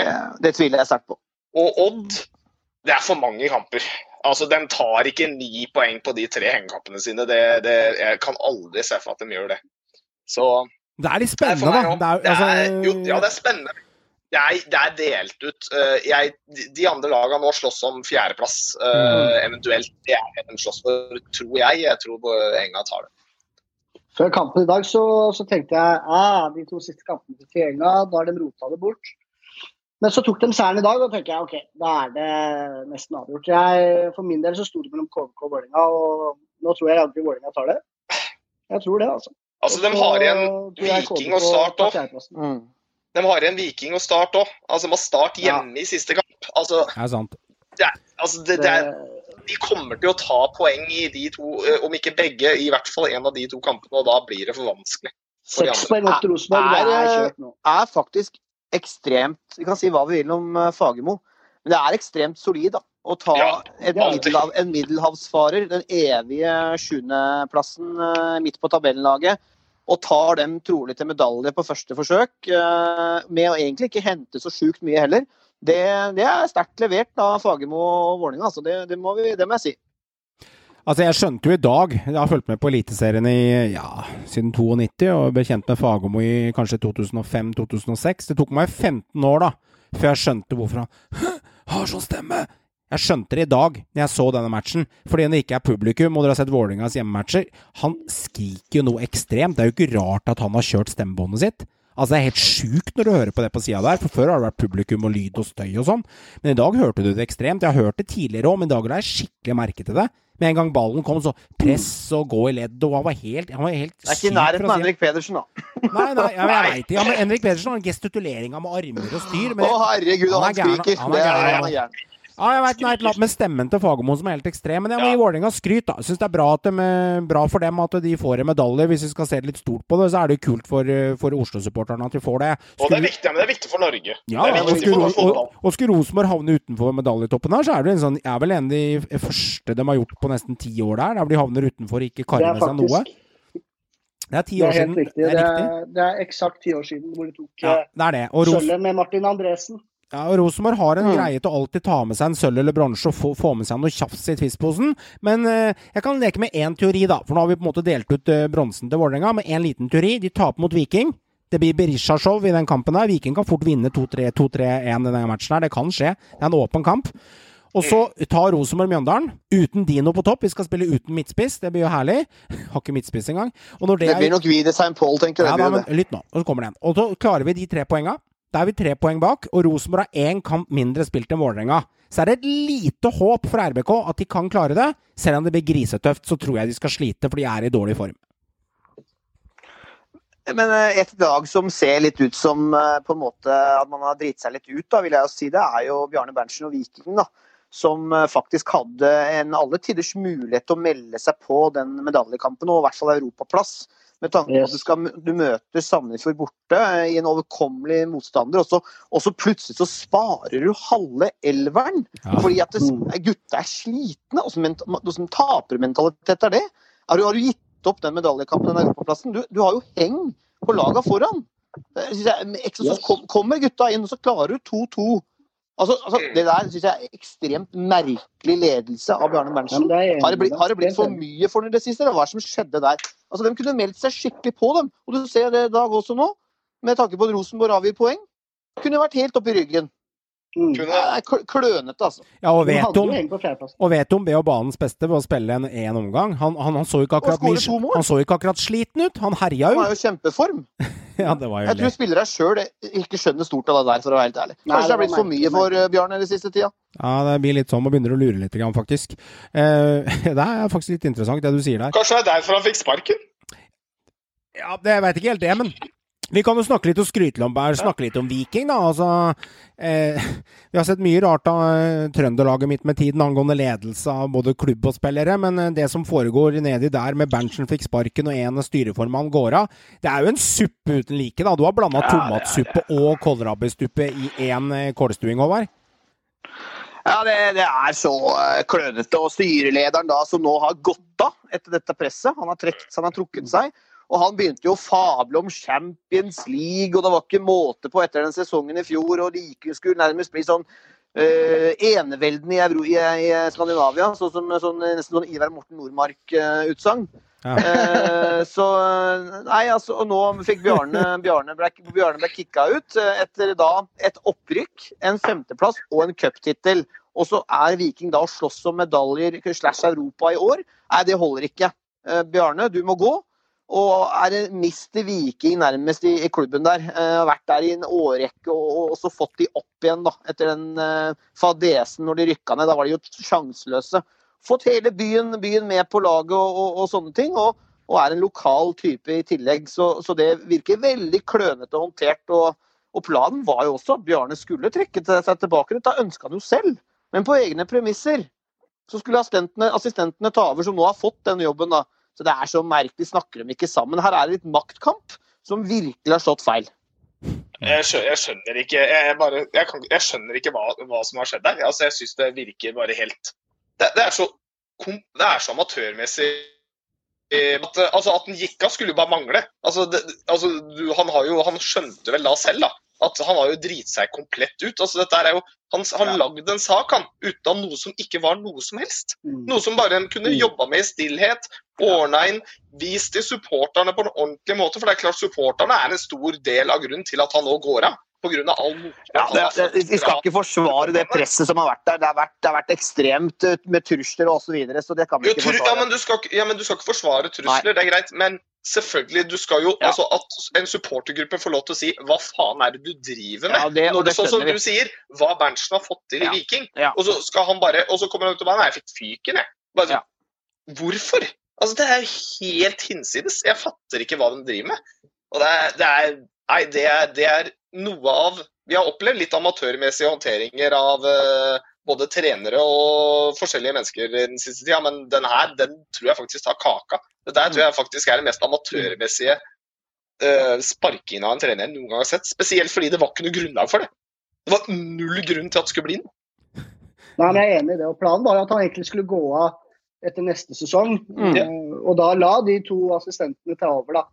Og så ble han jo tilbudt i form av en e- ettårskontrakt som sportssjef, og ikke to, som jeg også syns er merkelig. For det er jo han som stort sett har hamstra inn spillere i. Viking. Og så setter jeg også spørsmålstegn til at to assistenter får et delt hovedtrenerrolle. Syns jeg også er en merkelig, merkelig måte å ansette Det er ikke noe sjef. Hvem er sjefen? Hvem er sjefen? Hvem, hvem, hvem har Det er sånn, der, det er sånn er- diffu, diffuse greier. Ja, det er merkelig. Det er, som, det, er som, det er som en mann og en kone skal ta over en klubb, og så veit man ikke hva man skal gjøre. Og, og I tillegg til det så syns jeg det er veldig eh, spesielt at Bjarne Berntsen da, da mister Viking, helten i byen. Han skal på prøvetid ett år Ja, som sportssjef. Han er 62 år gammel. Ja, det, Ikke sant? Poenget er at skal du på prøvetid da? Når du har, hvor mange år har du klubben? det er litt klasse, da. Han er jo viking. han er jo halve viking. Han, er jo, han har fått Han samlet drar inn lag og- spillere. Og lokale spillere, profilen der og osv. Og, og fått byen med seg. og er jo helt skandalehåndtert. Jeg skjønner han trakk seg, for å si det mitt. Ja, jeg tror han hadde misforstått alt. Da uh, sier vi ha det til deg, Joakim, og lykke til i jobbmøtet. Og så får jeg og Meran og Håvard fortsette valsen den neste halvtime, 35 minuttene, vi tre. Det skal vi nå klare, dette trekløveret sammen. Ja, ja, ja. Du gutter, RBK dytter litt over dit. eh, Slakt av ledelsen i Viking. Men eh, Berntsen, vet du, før jeg dytter over på de bekkene til Rosenborg Håvard, han er jo en politikerskikkelse i Stavanger. Og du skal ikke K prikk, prikk, prikk, stjerne, kødde med disse politikerfolka. De veit åssen de ordlegger seg til høyre og venstre for å få det akkurat dit de vil. Så la det være siste ord. Ikke sant. Rosenborg, eh, der kjører vi Beckfest. De har jo Konate, som jeg er veldig glad i. Og så har vi en Hedenstad som jeg har spådd eh, går videre til Brann eh, etter sesongen. Eh, det er min spådom at han kommer til å gjøre. Ja, Signere for de. Og så har Rosenborg fått eh, tak i Augustinsson fra mm, Djurgården. Og så kikker de på en Adam Andersson fra Hekken. Og jeg tok meg friheten, gutter, å sende en liten SMS til vår gode venn Alexander Søderlund i stad. Vår synseligavenn. Det- Søder er du glad i, Meran? Søder er fin. Og da skrev han eh, tilbake Jeg lurte på åssen eh, Adam var, og da sa han tilbake han har bra fart, bra fot, han har det meste til å lykkes i Eliteserien. Han er litt ubesluttsom noen ganger, var hintet tilbake der. Eh, og så skriver han PS. Forresten, venstrebekken eh, fra Djurgården har imponert meg veldig. En god spiller. Eh, det er en bra oppdatering på venstre, så å si samme kvalitet eh, som tidligere på høyre. Eh, kan være en oppgradering på høyre, ettersom man, eh, ettersom man har mulighet til å spille, spille begge sider på banen. Så det var en god tilbakemelding Ja, han er vel en anvendelig da, som kan spille både høyre og venstre. Det er riktig. Men han har spilt venstre i hekken. Men han har også mulighet til å spille høyre. Men han har spilt venstre hele sesongen. Men det er greit å få en tilbakemelding fra Alex sjøl, som har både møtt Augustinsson og spiller med Adam selv nede i, eh, nede i hekken. Så han har gode skussmål på han. Men vi snakker altså om en back bekk her som er god i Augustinsson, som Søder var imponert over, og en bekk med god fart, men litt ubesluttsom i Adam. Deres tanker om Rosenborgs bekkjakt, er det noe mye?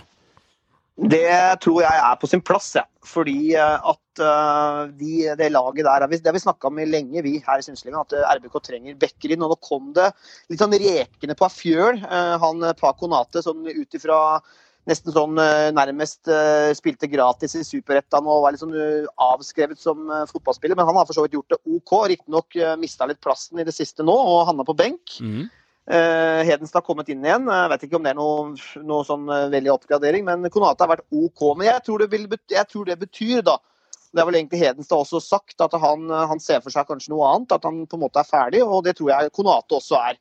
Og at dette her betyr at dette her er RBKs nye bekker, også i tillegg til at det selvfølgelig Reitan. Eh, Så tror jeg at det er, er RBKs nye tre bekker neste år, og kanskje en eller annen unggutt til. da. Vi får se. Ja, det ryktes med Konate nå til, eh, tilbake til Malmö igjen også. Så Mm. jeg tror både han er ferdig, og Hedenstad er nok eh, også ferdig. Og så tror jeg de trenger to bekker nå. For jeg, jeg personlig jeg syns ikke Dahl Reitan er god nok til å spille for Rosenborg. For å være helt ærlig. Det er han de velger. at de- at De velger jo Reitan foran de to andre. Nå ja, men de trenger, det er derfor de ser på to nye bekker òg, da. Så det, jeg, jeg, det- de ønsker nok å forbedre der. Jeg syns Dahl Reitan eh, var bedre i Glimt i fjor enn han har vært på. RBK i år. Eh, Det Helt synes jeg. Eh, Og, og, men jeg er neimen ikke sikker på at han blir noen foretrukken bekk neste år. Det er jeg usikker på. Men begge de to bekkene de har henta her, er venstrebekk, da. Ja. Nei, men han andre er jo anvendelig. Han kan spille høyre også. Mm, Han kan han, spille høyre også. men han har ikke spilt høyre i hele 2020, ifølge Søder. Nei. Han har brukt på venstre. Nei. Så det vil si Nei, sånn, men det er ikke sikkert han er det bedre enn Reitan nå.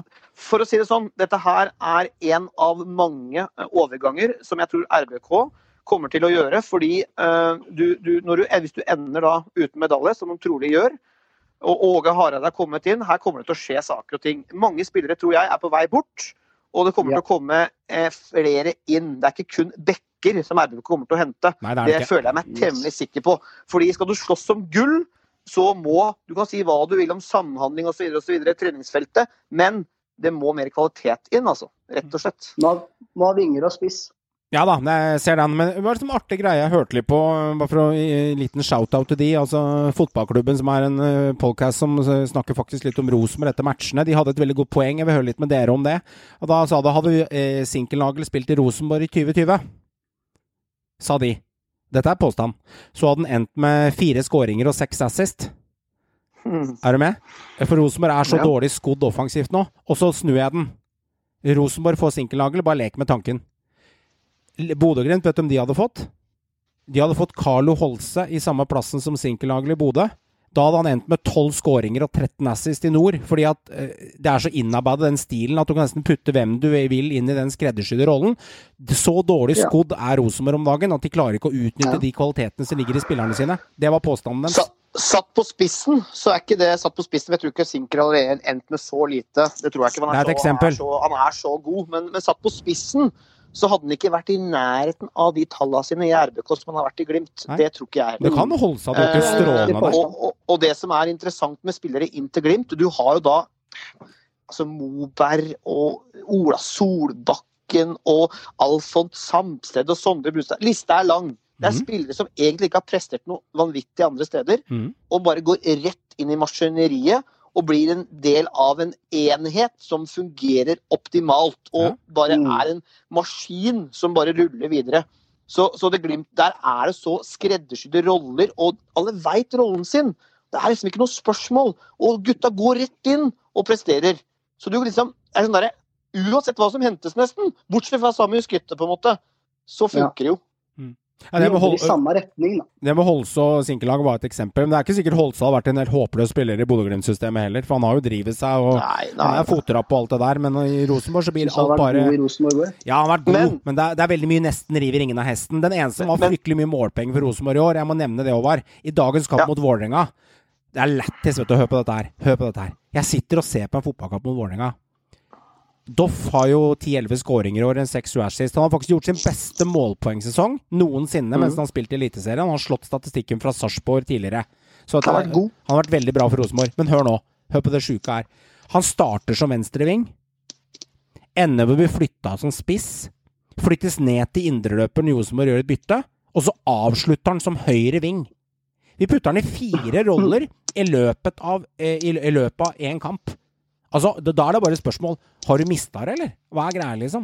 Det er litt sånn uh, kjepphest å være anvendelig. Ja, det er kjipt, liksom. Det Han er kan kjipt. spille overalt, Ja, men, ja, men, ja, men så kjipt, da. Altså, det er jo Ja, det er men det er jo ikke riktig bruk uh, i, i min bok. Nei. Så skal han bankers være indreløper, og så må Åge klare å velge en to stykker ved siden av han. For han er RBKs beste indreløper, og da driter jeg i åssen navn de andre gutta har. Han er bankers indreløper på det laget, og Rosenborg har nok av andre vinger. Jeg syns Åge vingler altfor mye der.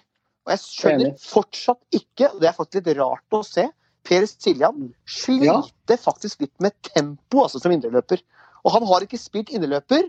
Han er ikke den spilleren han var når han dro for RBK. Han er ikke en indreløper-typisk spiller i det hele. Han passer ikke inn som det lenger. Han har spilt sittende i Bundesliga så mange år, og han fungerer ikke som indreløper. Så jeg syns det er merkelig valg av Åge, og det har jeg sagt flere ganger, og det står jeg for. Det, det, de får ikke den midtbanen til å fungere når de spiller med Henriksen dypt og, og Siljan som indreløper. Ja, men det, det er jeg helt enig med deg, Håvard. Det er så åpenlyst òg. Og jeg skjønner fortsatt ikke hvorfor uh, Hareide eksperimenterer med det. Bare bytte posisjoner på de to med en gang, så vil du Merkelig. løse en del knuter. Det er veldig merkelig. Jeg er helt enig. Ja, det er mye som er merkelig i Rosenborg om dagen. Det er nesten som du har tapt fire kamper på rad, så blir det sånn apatisk som sitter og ser på den matchen. Vet du, du tenker egentlig bare ja, ja, ok, der fikk vi en scoring imot, og vi bomma der, og vi styrer ikke spillet. Det er som, som å se på et helt nøytralt lag. Du blir liksom ikke lei deg. Du blir liksom, liksom- som fan, du blir liksom ikke lei deg eller jævlig, jævlig glad hvis det blir en scoring. Jeg ser bare at det, det er så i villrede det de holder på med. Så det er bare sånn, få denne sesongen ferdig. Nå Tren ordentlig tre-fire måneder, og vis hva dere har i 2021. Men da må dere vise noe. Vi kan ikke ende med at vi, vi, vi, vi kan ikke ende med at vi ikke viser noe da. Håvard, du skal få siste ord om det før jeg trykker knappen. Ja, ja. Vi risikerer jo da at Norges eh, såkalte flaggskip ender uten Europa. Og Da kan vi si hva vi vil om Conference League, men Åge Hareide kom ikke til RBK for å spille kun eliteserie og cup, altså. Det, det her Mitt er navn er Fredrik Pallesen er- Knutsen, og jeg spiller for FK Haugesund. Dette er Synseligaen. Podkasten av fans, for fans. Det er noen som spiller for kampens tilværelse i bånn. Mjøndalen fikk en livsviktig seier der mo- mot start, eh, Meran. Altså, den kampen, Ja. den kampen der Altså, Hadde de ikke tatt den trepoengeren der, så hadde det vært kroken på låvedøra. Det hadde det, og det var viktig for, for Mjøndalen å ta den seieren. da. Og ikke minst imponerende å se spillere som Vieira komme inn og, og holde nullen, eh, og forsvarsspilleren der. Jeg syns de var gode. Jeg synes de var veldig gode, trum nå. Så den, den trengte den seieren for å holde liv i, i, i kampen om å holde plassen. Det er gøy å se da, sånne, sånne spillere som endelig får sjansen. og Alle har så mye gode skussmål om han portugiseren her. og virkelig er en del av laget og støtter gutta. Aldri noen sure miner. Og, og, og, ikke Mm. sant? Eh, og så får du sjansen, og så holder du nullen, og så blir du på en måte en slags helt. Selv om da Shuaib Ibrahim er jo faktisk mannen som skårer. eh, spilleren som, eh, som ikke har skåret på lang lang tid nå, så det er jo også gøy for han, selvfølgelig.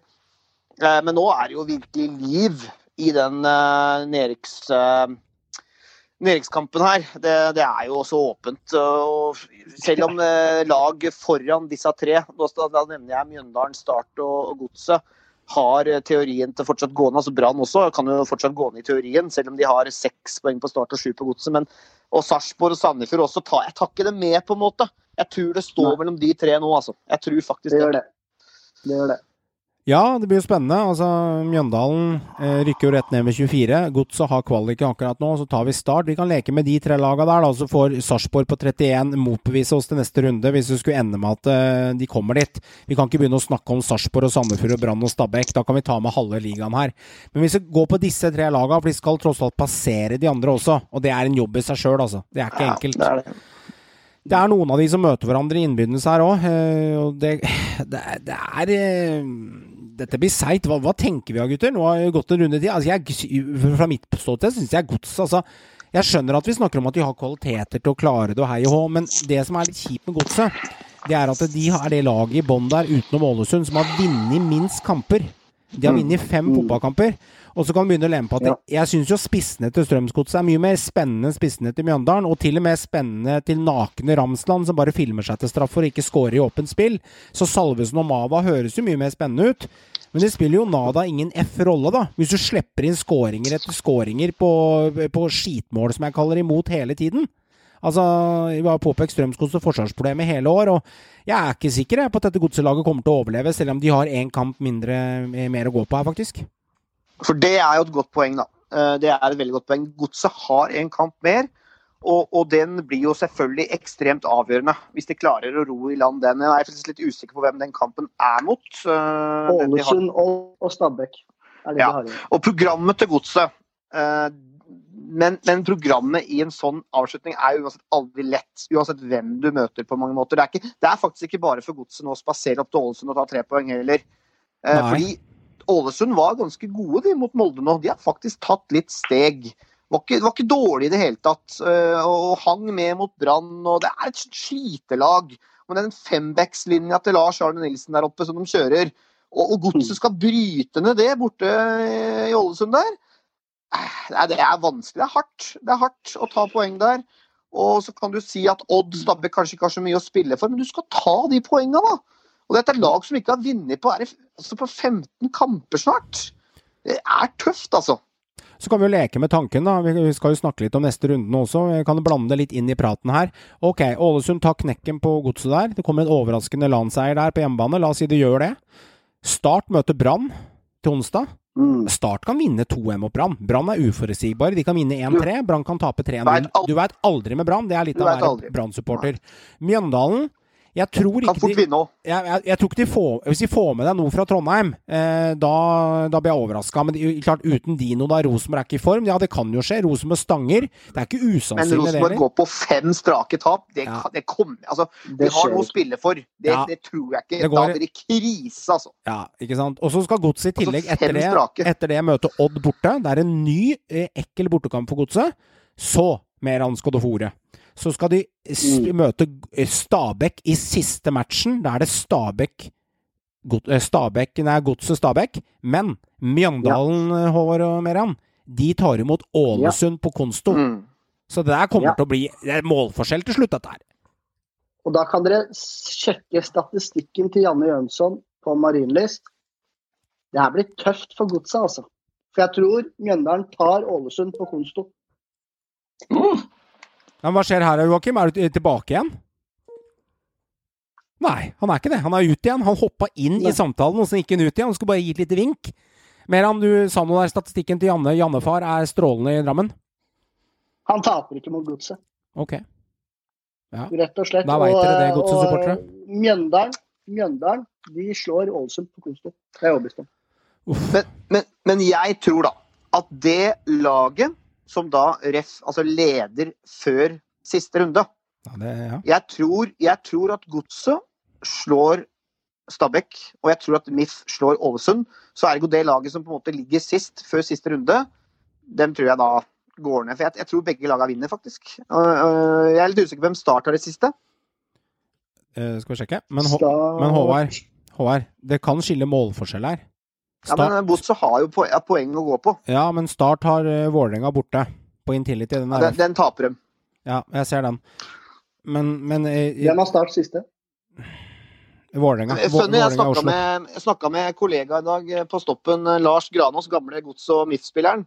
Han var ganske sikker på, Lars, at, eh, at eh, det er Start som går ned. Og så er det faktisk eh, Godset på kvalik og Mjøndalen eh, holder seg.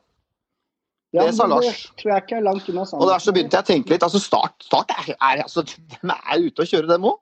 Det er ikke noe, noe lett program i det hele tatt der på dem heller. Og det nevnte jo, det nevnte jo, det nevnte jo Tom i forrige pod òg, at det skal være litt obs på start, selv om, selv om Ja. de har, en, har hengt med greit her nå. At nå har det sett greit ut en stund, og så plutselig er de plutselig nede. Det tapet mot mitt for Start Jeg trodde faktisk de skulle vinne eh, før den kampen her, og det, det var virkelig ikke bra for Start. Og så er de helt nede i gjørma igjen. Mm, mm. Mm. Mm. Ja, det er, eh, jeg er ikke sikker på noen ting. Og jeg må, jeg, selv om Godset har en hengekamp der, så er det sånn Jeg, jeg, har faktisk litt, jeg, jeg tror faktisk at Godset borte mot Odd Jeg veit at det høres litt rart ut 19.12., men da har Odd spilt kamp 13., 16. og 19.12. Så Odd har litt fotball i beina. Nei, misforstå. Odd møter eh, Sorry, jeg sa feil. Odd møter Kristiansund 9. Så møter de Sandefjord 13., og så møter de Molde 16., og så når de har tre tunge kamper i beina, Håvard Odd, så skal de møte Godset etter det. Jeg har litt trua på at Godset kan rane med seg poeng i Skien, jeg. Ja, det jeg, er veldig spent, altså. Herregud. Det, er ekstremt viktig for Godset å få den derre trepoengeren på den utsatte kampen der. Mm. Eh, da kan man kanskje roe seg litt. Grann. For å bare få en trepoenger nå for disse lagene her, Mm. er jo alt å si. Bare se på MIF hvor viktig det var å få en seier nå, ikke sant. Ja, ja, det- det- det- De hadde jo vært ferdig med tap nå. Hva tenker, hva tenker dere om fire kamper for Odd på ti kamper? Nei, ti dager? Ja, det er seigt, men sånn er det nå, da, for å bli ferdig. Ja, det, det er ganske sjukt program.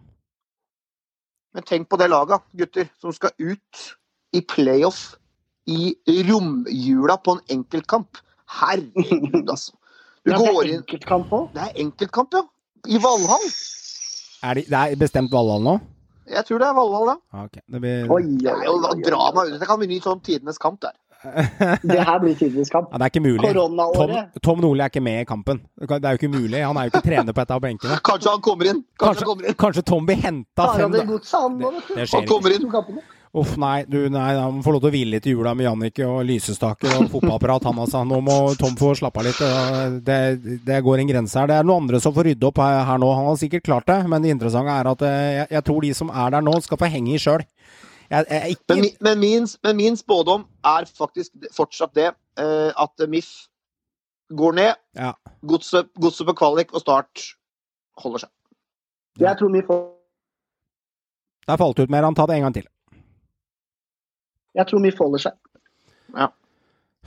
Ja, jeg har bare en sånn liten Det er drama, i hvert fall. Jeg har en sånn drama. merkelig følelse at det, uh, Jeg vil jo at Godset skal overleve, for det er gøy å ha Drammenslag, men jeg syns Altså, det er et eller annet med det at Altså, Ja, jeg syns det er vanskelig, Jeg, altså. jeg syns liksom at all den skiten de har fått uh, Det er fortjent imot seg òg, for de har ikke vært bedre i forsvar, men eh, en eller annen gang så vil det straffe seg så hardt, og så er det tredje sesongen på rad Strømsgodset ligger i bånn. Mjøndalen også har vært der Mm. nede, men de har vært nede i mellomtida. Men det har liksom vært sånn Når det er tredje året du er der, så skal du liksom klare, klare det på knivsegget hver gang, Mm. liksom. Jeg, før eller siden så ryker den ballongstrikken, og da går den ballongen til himmels, og så er du ferdig. Og jeg sitter med følelsen at det, det kan se ut som Godset nå, gutta, har tre kamper, og de andre har to. Og så viser det seg at Start plutselig får en overraskende seier mot Brann. Og da plutselig rykker de fra på Mm. tabellen, og så er det Godset som spiller den skitkampen eh, midt i romjula. Det er ikke noe gøy, det. Det vil ikke være, vil ikke være veldig overraskende hvis Brann slår Start, hvis Start slår Brann heller. Nei, det er ikke det, vet du. Nei, det er det ikke. Eh, Men jeg, tar ganske, jeg har en ganske god kjensle på at det blir Sogndal i playoff. For dem syns jeg ser klart sterkest ut av de lagene som er i playoff nå. Ja, det får dere mene noe om. Jeg har ikke noe formening om det. Jeg har ikke Jeg, det. jeg har trua på at det blir Eirik Bakke og Sogndal i playoff. Altså. Den er seig, den òg. Ja, ja, den er seig. Gutter, vi skal dele ut litt poeng fra forrige gang, og vi snakket jo litt om neste rundeprat sist gang. Husker dere det? Da vi hadde litt poeng, poengutgiving. Eh, og det var jo en gang sånn at jeg går bare gjennom de som har fått poeng. Eh, Meran og Joakim fra første runden, dere får ingenting. Dere er liksom, de dere klarer ikke å tippe seier her og uavgjort engang. Dere bommer, dessverre. Eh, Hæ? ja, det gjør det. Hva tippa jeg? Eh, Skal jeg lese opp det høyt på alle sammen her, så tippa du i hvert fall Du tippa. Glimt-seier og Kristiansund-seier, men de alle spilte 1-1-1-1. Så det ble ikke noe poeng der. Stemmer det. Men Rosenborg, sier. Viking Brann. Der tipper Johan 2-1. Og der vant Viking 2-0. Jeg stikker, jeg stikker av med ett poeng, men jeg får to poeng fordi jeg kun har én match den runden, så da får jeg dobbel i den kampen. Håvard får ingenting på Stabæk-Enga. Du tipper 1-2 til Enga, Håvard, men det endte også 1-1 den runden. Det var den runden alt endte 1-1 eller 2-2, vet du. Er greiene der. Kjedelig runde. Ja. Ja, så jeg har to poeng, og så går det neste runde over. Da tipper du at Glimt de slo Stabæk 3-1. Det blir 5-2, så du får et poeng der, Håvard, for, seier, for eh, hjemmeseier til Glimt. Eh, Meran, du tipper at Molde slo Ålesund 2-1. Eh, nei, 3-0. Eh, det ble 2-1. Du får med ett poeng. Og så kommer dagens, eh, dagens beste, og det er at Krog tipper at Sandefjord Viking ender 2-2. Det endte 2-2. Så dra, da dro jeg en treer, og det er lenge siden. Joho! Det var noe jeg er god i, Håvard, utenom fantasy og de andre greiene. Så Ja, når du gir deg sjøl doble poeng, så ja, det er faen sant. Hva faen, liksom? nei, du får også dobbeltpoeng, Meran. Hva da? Du får dobbeltpoeng. Ja, så du må ikke eh, peke på din navnbror, Ja, holdt jeg på å si. Du får også doble poeng. Ja, da er det greit. Du får to, du, Ja, du får to poeng, og Krog får tre for den. Du får Det er bra du i hvert fall hevder deg på tipping, da. du, Det er veldig bra, veldig bra. Du får to poeng vet du, Meran, når du har én kamp å tippe, for da får du dobbel i den. Da får du all or nothing. Det må bli sånn. Men eh, det ender med at uh, Krog da stikker av med fem poeng, Håvard får ett, og Meran får eh, to. Så eh, det ser greit ut. Vi skal snakke litt grann om de kampene som kommer nå til uken. Tenkte vi skulle rulle i gang eh, litt om de. Vi skal ikke tippe resultat denne uka her, det legger vi på bero. Og så lar vi den konkurransen avsluttes i siste eliteserierunde den 22. desember. Grunnen til at jeg ikke, ikke tar resultat denne runden her, er rett og slett fordi at det, det er eh, eh, to runder i én. Det er en 12-13 kamper og doble runder og full rulle. og Da vil jeg heller snakke litt om dramaet enn å sitte og spytte ut 1, 2 og 2-1. Så avslutter vi den heller i siste eliteserierunde. Er det greit for dere? Ja. Ja. Siste eliteserierunde er da 19. med Godset, som har hengekamp mot Odd, og så er det tirsdag 22. desember. Akkurat når folk skal finne fram julepynten og julegløggen og grøten og alt styret, så smeller vi i gang på lille, lille julaften. Men før det så er det onsdag 9., og det er eh, om to dager, eh, gutter. Ja, vi kan jo snakka litt om Ålesund Strømsgodset, så vi kan hoppe eh, over den, for jeg har tatt litt om det. Men la oss prate litt om Kristiansund-Odd. Odd har mulighet til å få heng her på medalje. Fjerdeplass. Medalje er vanskelig, men de kan klare det. ja. Odd er klare igjen nå.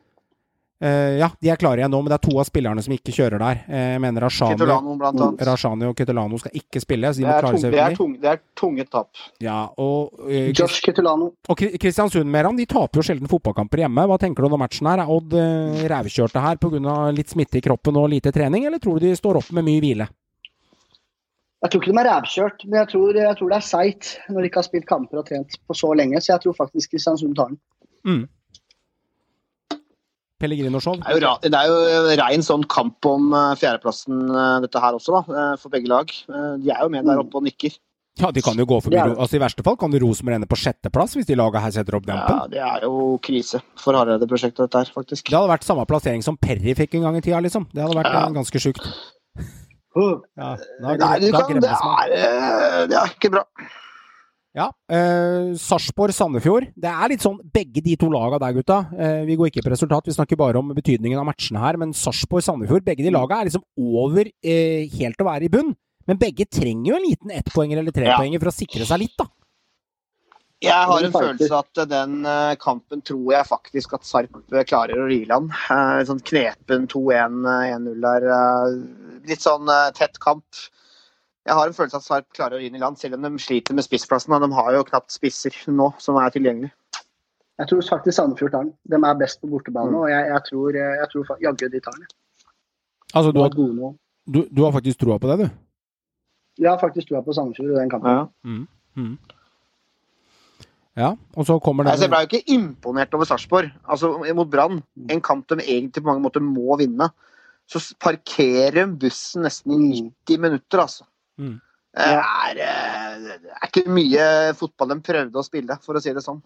Nei, Så det er et lag som sliter spillemessig nå. Eh, og de, har, de spilte med Suleman Boyang, med toer bak på drakta som spiss, liksom.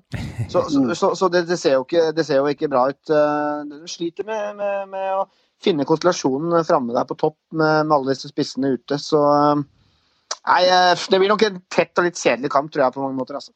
Jeg, tenker litt på, sånn som, Vi har jo snakka om Rosenborg-Mjøndalen, og det kan jo hende at Rosenborg går på en forsmedelig femtap her. og Mjøndalen har jo tidenes mulighet til å klå Rosenborg. Men så går det ikke mer enn tre dager, Håvard, så får Rosenborg besøk av Molde på Lerkendal. Altså, Dino får jo kanskje én kamp ekstra også, siden det er direkte rødt. Eh, så det veit vi egentlig ikke noe med om han står over to kamper her. Eh, han, han fikk jo gult og gult, men han får kanskje, ja, man får kanskje to kamper for det, gjør du ikke det? Du får ikke bare én kamp? Jeg får én. Ja, det er spennende å se da, hvordan de, de ser på det. Det er stygg stempling, da. Hvis det, hvis, hvis det kommer noe Han får én kamp. Ja, sannsynligvis får han én. kamp. Altså. Ja, mulig, mulig er heldig der, Ja, da, da bør jo være duka for den nye svenske spissen fra start. Da. Å se han fra start, at han får en uh, mulighet. Han har ikke fått vist mye, han godeste Wiedersheim Paul. Uh, er nok henta som en sånn typisk backup-løsning fra Superettan. Uh, har ikke noe trua på at han skal i den neste sesongen være toppspissen, for å si det sånn. Det, det, det kommer nok eventuelt noe nytt inn der. Men han bør jo få starte nå, da. For å få mulighet, i hvert fall. Mm. Tenker jeg. enig. Molde vil jo kanskje elske å gni det inn på Lerkendal. Vil kanskje sende Rosenborg enda lenger ned i gjørma. Det hadde jo smakt Ja, for ja, dem. Så jeg tror ikke Rosenborg skal være noe trygge på noen ting i den matchen der. Altså. Men, men jeg, føler sikker, jeg føler meg ganske sikker på at RBK slår MIF. Jeg kan ikke, altså de, de skal være et bedre lag enn Mjøndalen, og de har mye og ære å spille for på Lerkendal nå. Og å gå på fem strake tap, den er krise for RBK, altså. Det er krise, det er krise nå, føler jeg, på fire. Ja. Altså, Betegnelsen av krise kan jo Jeg husker den der intervjuet med han derre Oilers-fyren i hockey som, be, som gikk på TV 2 for noen år siden med krise, og så bare klikka han på han der reporteren vet du, når han nevnte krise. Vet du hva krise er, sa han? Det er at folk har det vanskelig nede i landa med tsunamier og opplegg og hei og hå. Han satt litt i, i Men i fotballverden så må jeg si klart og tydelig at fire tap for Rosenborg da, det er så vidt jeg Jeg, jeg har fortrengt det. Jeg husker ikke det i, i 2005. Nei. Det husker jeg ikke engang. Og at RBK da med Åge som trener og kommer hjem og skal reise i kjerringa, så står de der uten Europa neste år. Nå har vi snakka nok om RBK på mange måter, men Ja, ja, det er ikke bra. altså. Nei, nei, nei. Det er ikke Det er ikke, det er ikke bra i det hele tatt. Det hører ikke noe sted hjemme, og sånn kan vi ikke ha det der. Så um, nei. Og så er det noen kamper der uh, til slutt der. Jeg vil snakke litt om Odd, dere kan prate litt om de. Eh, De skal igjennom det hestekjøret der. Har Odd en mulighet til å ta medalje her, hvis vi skulle diske av gårde eh, ni poeng? Altså, vi, vi kan jo ikke avskrive det, gutter. Jeg har ikke noe trua på at Odd tar medalje. Det har jeg ikke. Ikke Det er det laget der oppe som jeg har minst trua på skal blande seg inn i den eh, tredje-fjerdeplassen. Jeg tror de ender bak både KBK, RBK og, og Enga, naturlig nok. Eh, Det tror jeg. Du tror at det er rett, og- rett og slett blir Håvard, for røft? Jeg tror ikke de har kvalitet Ja, nok. jeg tror det. Mm. Jeg, de har jo vist i alle år nå siste året at eh, når det Ja. kommer på slutten, så choker de. De Ja. choker i år. og Nå har de et knalltøft program også. De har vært ute med korona, og mange av gutta der. og eh, Jeg tror jeg har ikke noe tro. Jeg synes det, jeg syns det, Før de på en måte fikk den ufrivillige pausen, og så syns jeg de ikke var noe særlig solide heller. Ja.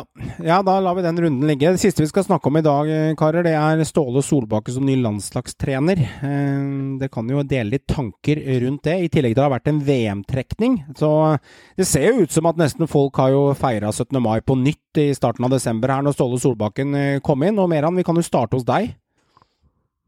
Nei, jeg syns det er helt fantastisk. Jeg syns det er så deilig. Ståle er jeg tror, Han får oss til sluttspill. Jeg sier det med en gang. Det er han jeg har trua på. Og så vil jeg bare si én ting til Perry, og det er na-na, na-na-na-na, hei, hei, hei, goodbye. Det er alt jeg har å si om Perry. Ok, jeg skjønner. Deilig. Deilig med Ståle inn. Bekla- Deilig med Ståle inn. be- be- beklager, eh, beklager ordspråket her, det må jeg som programleder gjøre. Men jeg skjønner du er i hvert fall happy med at Ståle Solbakken kommer inn, i hvert fall. Ja. Veldig glad. Veldig glad, kan man trygt si. Eh, ja. Eh, når det gjelder eh, ansettelsen av Ståle, eh, dette har jeg vært veldig tydelig på. Eh, meget fornøyd som Mm. en stor eh, patriot og fan av det norske landslaget. Så mener jeg det er den beste mannen vi kunne fått. Og alt lå til rette. Men det har jeg gjort mange ganger før også. Og så har på en måte NFF ikke hatt evner eller hva skal jeg si, baller nok til å ta det rette valget, og gjerne venta en halv kvalik før det skjer ting.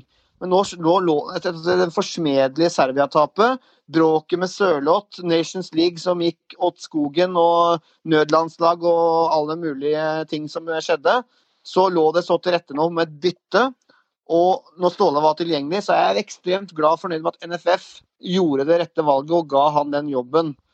Eh, dette her er det beste vi kunne håpa på, og, og hvis ikke vi klarer det nå, under Ståle-perioden, med den gylne generasjonen vi har, for det har vi. Vi har faktisk en verdensklasse-spiss, og vi har også Ja. mye gutter eh, som er i gode klubber og er i veldig fin alder. Så vi kan ikke skylde på noe annet enn oss sjøl hvis ikke dette går nå i løpet av VM-kvaliken eller da EM-kvaliken etter det. Og, eh, så jeg, har, jeg er jo på en måte alltid optimist, men nå har jeg virkelig trua på at vi kan få til det her. Det som eh, Jeg er faktisk helt enig med deg, Håvard. Men det, det omsider NFF har gjort, er ved å ansette Ståle Solbakken, i hvert fall for min del, da, som eh, ikke nødvendigvis alltid har fulgt med, er at det gir meg entusiasme, det gir meg tæl, det gir meg energi, det gir meg stemning og ikke minst håp da, på de neste åra som kommer. Jeg er dritklar jeg, for å sitte og følge med på landslaget nå. Og, og ha stemningen i heimen og virkelig heie fram gutta. For dette her er kjempepositivt med Ståle inn. Jeg er kjempeglad for det. Men jeg hør, den talen Håvard holdt om hvor fantastisk fornøyd han er med Ståle nå Jeg syns jeg hørte den samme talen når Lagerbäck kom inn fra Island for fire år siden og hadde ført en eh, god vei der også til, eh, til sluttspill. Og jeg, jeg sitter jo med følelsen at eh, landet generelt hadde samme euforien rundt uh, Lagerbäck enn, de hadde nå. Veldig mange var veldig positive til Lagerbäck. Nå får vi inn i vinnerskalle. Nå får vi inn en som veit hva det handler om. Men Ståle har vært folkets og på mange måter NFS drømmekandidat i ti år. Og han er glippig som en sånn fisk som sitter på kroken, og som akkurat, akkurat glipper før du skal ta ham opp i båten. Han har til og med vært klar som landslagstrener etter Drillo. Eh, Men da Mm. takka nei, for Køllen kom på banen. Og så har det vært snakk om Ståle hver eneste gang etter det. Eh, både når det gjaldt Høgmann-ansettelsen og da Lagerbäck, så var Ståle kandidat nummer én, men har da takka nei. Og nå endelig fikk de sin drømmekandidat. Dette her vil jeg på mange måter si er folkets drømmekandidat også. Ekspertene, De såkalte ekspertene er euforiske og fornøyde. Og, og her har vi en, en Og så er han norsk. Han er en merittert eh, trener som har vunnet flust av titler. Og han er ikke minst en ekstremt sterk leder og vinnerskalle. Uh, som jeg tror uh, disse gutta her kommer til å uh, Det være veldig, veldig viktig da, for Norges utvikling som landslag. Og så tror jeg også vi kommer til å se eh, litt eh, slutt på disse såkalte klippekortene. At her må du Mm. prestere, du må spille, du må, du må gjøre deg fortjent til å være på det norske landslaget. Eh, og det er jeg er veldig spent på å se når vi kommer med første troppen vår i mars, åssen det laget her vil se, se, se ut. Han gjorde jo sjakktrekk òg, da. Han kommer seg på en eliteseriekamp allerede første uka han har fått på seg landslagsskjorta. Det varmer jo for folk som liker eliteserien. Riktignok brutt karantenereglene, riktignok brutt karantenereglene, Ståle, så, men det får vi Det er fint at en landslagstrener endelig er på kamp, da. Han er Til og med i Obos. Til og med i Obos.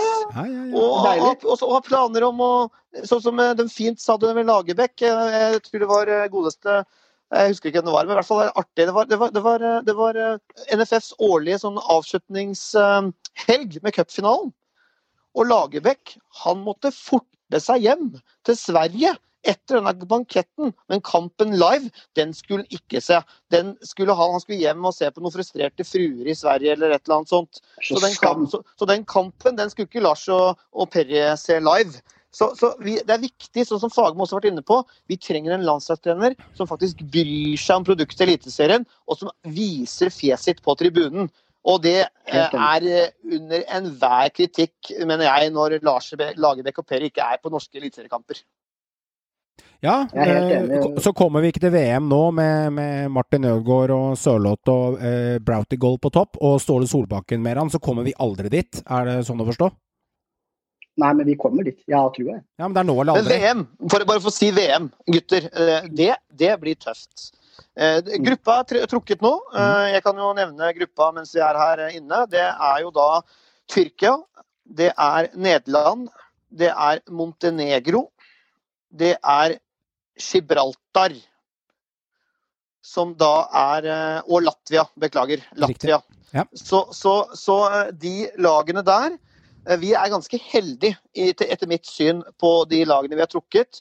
Nederland er ikke det de en gang var. Det er et godt lag, bevare meg vel. Eh, Mye Mm. verdensstjerner, men de er ikke så gode, eh, særlig offensivt, som de var. Og Tyrkia eh, de har en del gode spillere, Tyrkia også, men de har ikke verdensstjerner som vi har. Eh, Det er mye fra tyrkisk liga, så er det litt Bundesliga, litt Premier League, eh, litt, litt her. Kalanuglu i Milan er vel kanskje stjerna der, eh, som er en Ja. god, god spiller. Men, men jeg tror at Norge, for å slåss om andreplass i hvert fall, der skal vi være med, altså. Jeg er enig. Ja, jeg tenker vel egentlig at når jeg ser på den gruppa her altså Jeg følger jo ikke så mye med, men jeg er jo ikke helt tjukk i huet. Jeg har jo fulgt med litt med tida. Altså Montenegro, Latvia og Gibraltar, de skal vi ta. Ja, ja. Uten Ja. tvil. Men er det Dino som kommer til å ødelegge for oss for Montenegro? Som sørger for å nikke inn den målet og få tåa på han? Skårer ikke i Eliteserien, men han sørger for at Norge får 1-1 i en sånn ensom kamp langt ute i 2021-2022. Er det det som kommer til å felle alt? Ja, han spiller på Montenegro. Dino, Dino og så har du faktisk Dino. Rodic i, du har også Rodic i Odd, uh, som er på Montenegro. Men Montenegro er vel ikke det laget vi skal være redd for, uh, for å si det helt eh, ærlig. Det er Nederland og Tyrkia ja, som sånn blir tøffe, tøffe, tøffe motstandere. Men uh, jeg gleder meg allerede til kvaliken begynner, jeg nå. Og Hakan Suker han spiller ikke for Tyrkia lenger nå. Han er ferdig, ikke sant? Han er taxisjåfør i New York, bare sånn til info. Er han det? Ja, er det, ja? Yes. Det er stilig. Hva, Helt, rikt, helt riktig. har han endt på Broadway som skuespiller og Han, taxisjåfør? eh, han kom litt på kant med godeste Erdogan, så han er i New York og er taxisjåfør. Det er ganske Og dette, dette, sånn er- dette er for- sånn, li, liten sånn fun fact fra sida her. Okay, Det da, er det fikk du først i Synseligaen. Ja, men det er bra. Det er, jeg husker han var målskårer. Der ser du hvordan tilfeldighetene rår lille Bendres verden. Her kaster jeg et Hakon Suker, akkurat som i, på Tyrkia. Ja. Sånn som jeg sier med Erik Mykland for Norge, og alle skjønner at det er bare flørt og spøk. At jeg er jo ikke helt bak mål. Og så kommer du med en historie at han er Ja. taxisjåfør i New York etterpå. Og Meran, har du da en, en oppskrift på en tyrkisk te mens vi er i gang? Kan du noe om det, f.eks., siden vi skal spinne off videre igjen, eller gir vi oss der? Nei, men vi gir oss der. Men det var den beste vannpipe vannpipesmaken. Det, det, det er tyrkisk. Den Kanskje det blir en liten, eh, kanskje det blir en liten synsetur til Amster, eh, gutta? Eller en liten tur til, Ja, med liten tur til Riga, eller et eller annet sånt? Eh, Ja, det hadde vært eh, spennende, det. Kan, vi, kan ikke vi heller ta litt sånn roligere tur på høyfjellshotell og stå på ski på langrenn? Eh, eh, nei. Nei, det er greit. Jeg skjønner. Ja, det er bra. Yes, gutter. Ståle Solbakken blir landslagstrener, og Dino Islamovic skal spille mot oss for Montenegro mot der. Det er mye morsomt. Den gruppa ser litt kul ut, da. Når jeg ser Nederland, så tenker jeg litt sånn Jeg husker Gøran Sørloth sin skåring på Ullevål i 92, da han dunka ned hjørnet, og så hadde han den derre når han scora. Skikkelig feiringa til gamle Sørlotten. Da var nesten ikke du født engang mer, for dette var i 92, så det er litt sånn for å si jeg ble født. ja, det var litt sånn, ja. Jeg husker det målet. Altså, når jeg ser Nederland på kartet at skal møte de, så får jeg litt gode vibber fra gamle dager. Ja. Det gjør jeg. Ja, men kjære lytter, tusen takk for at du lytter til Synseligaen. Jeg håper du får en glimrende runde på onsdagen. Og du som har flere lag i ilden, eh, Kristiansund, Sandefjord, eh, Rosenborg, Odd. Det er flere lag her som skal ut og prøve seg. Det er flere lag som eh, kjemper om poeng. Og det kommer ikke til å bli lett i de kampene som man skal ut i nå. Og det er flere muligheter til å karre med seg poeng, for nå er det ikke mange runder igjen. Noen lag har tre-fire kamper igjen, andre lag har kun to, og noen har tre. Det er bare å kjempe om poenga. Tusen takk for at du lyttet til Synseligaen. Ha en glimrende uke. Vi snakkes. Hei. Så er det Håkon Evjen som bøyer den i vinkelen! Etter over 100 minutter! Han kommer til å bli større enn Jesus på Sørlandet etter dette! Det er faen meg Folk pisser lei. Folk er likegyldige. Det er det verste som skjer med en fotballklubb. Det er faen meg undergangen, det. Og det er han som omtrent aldri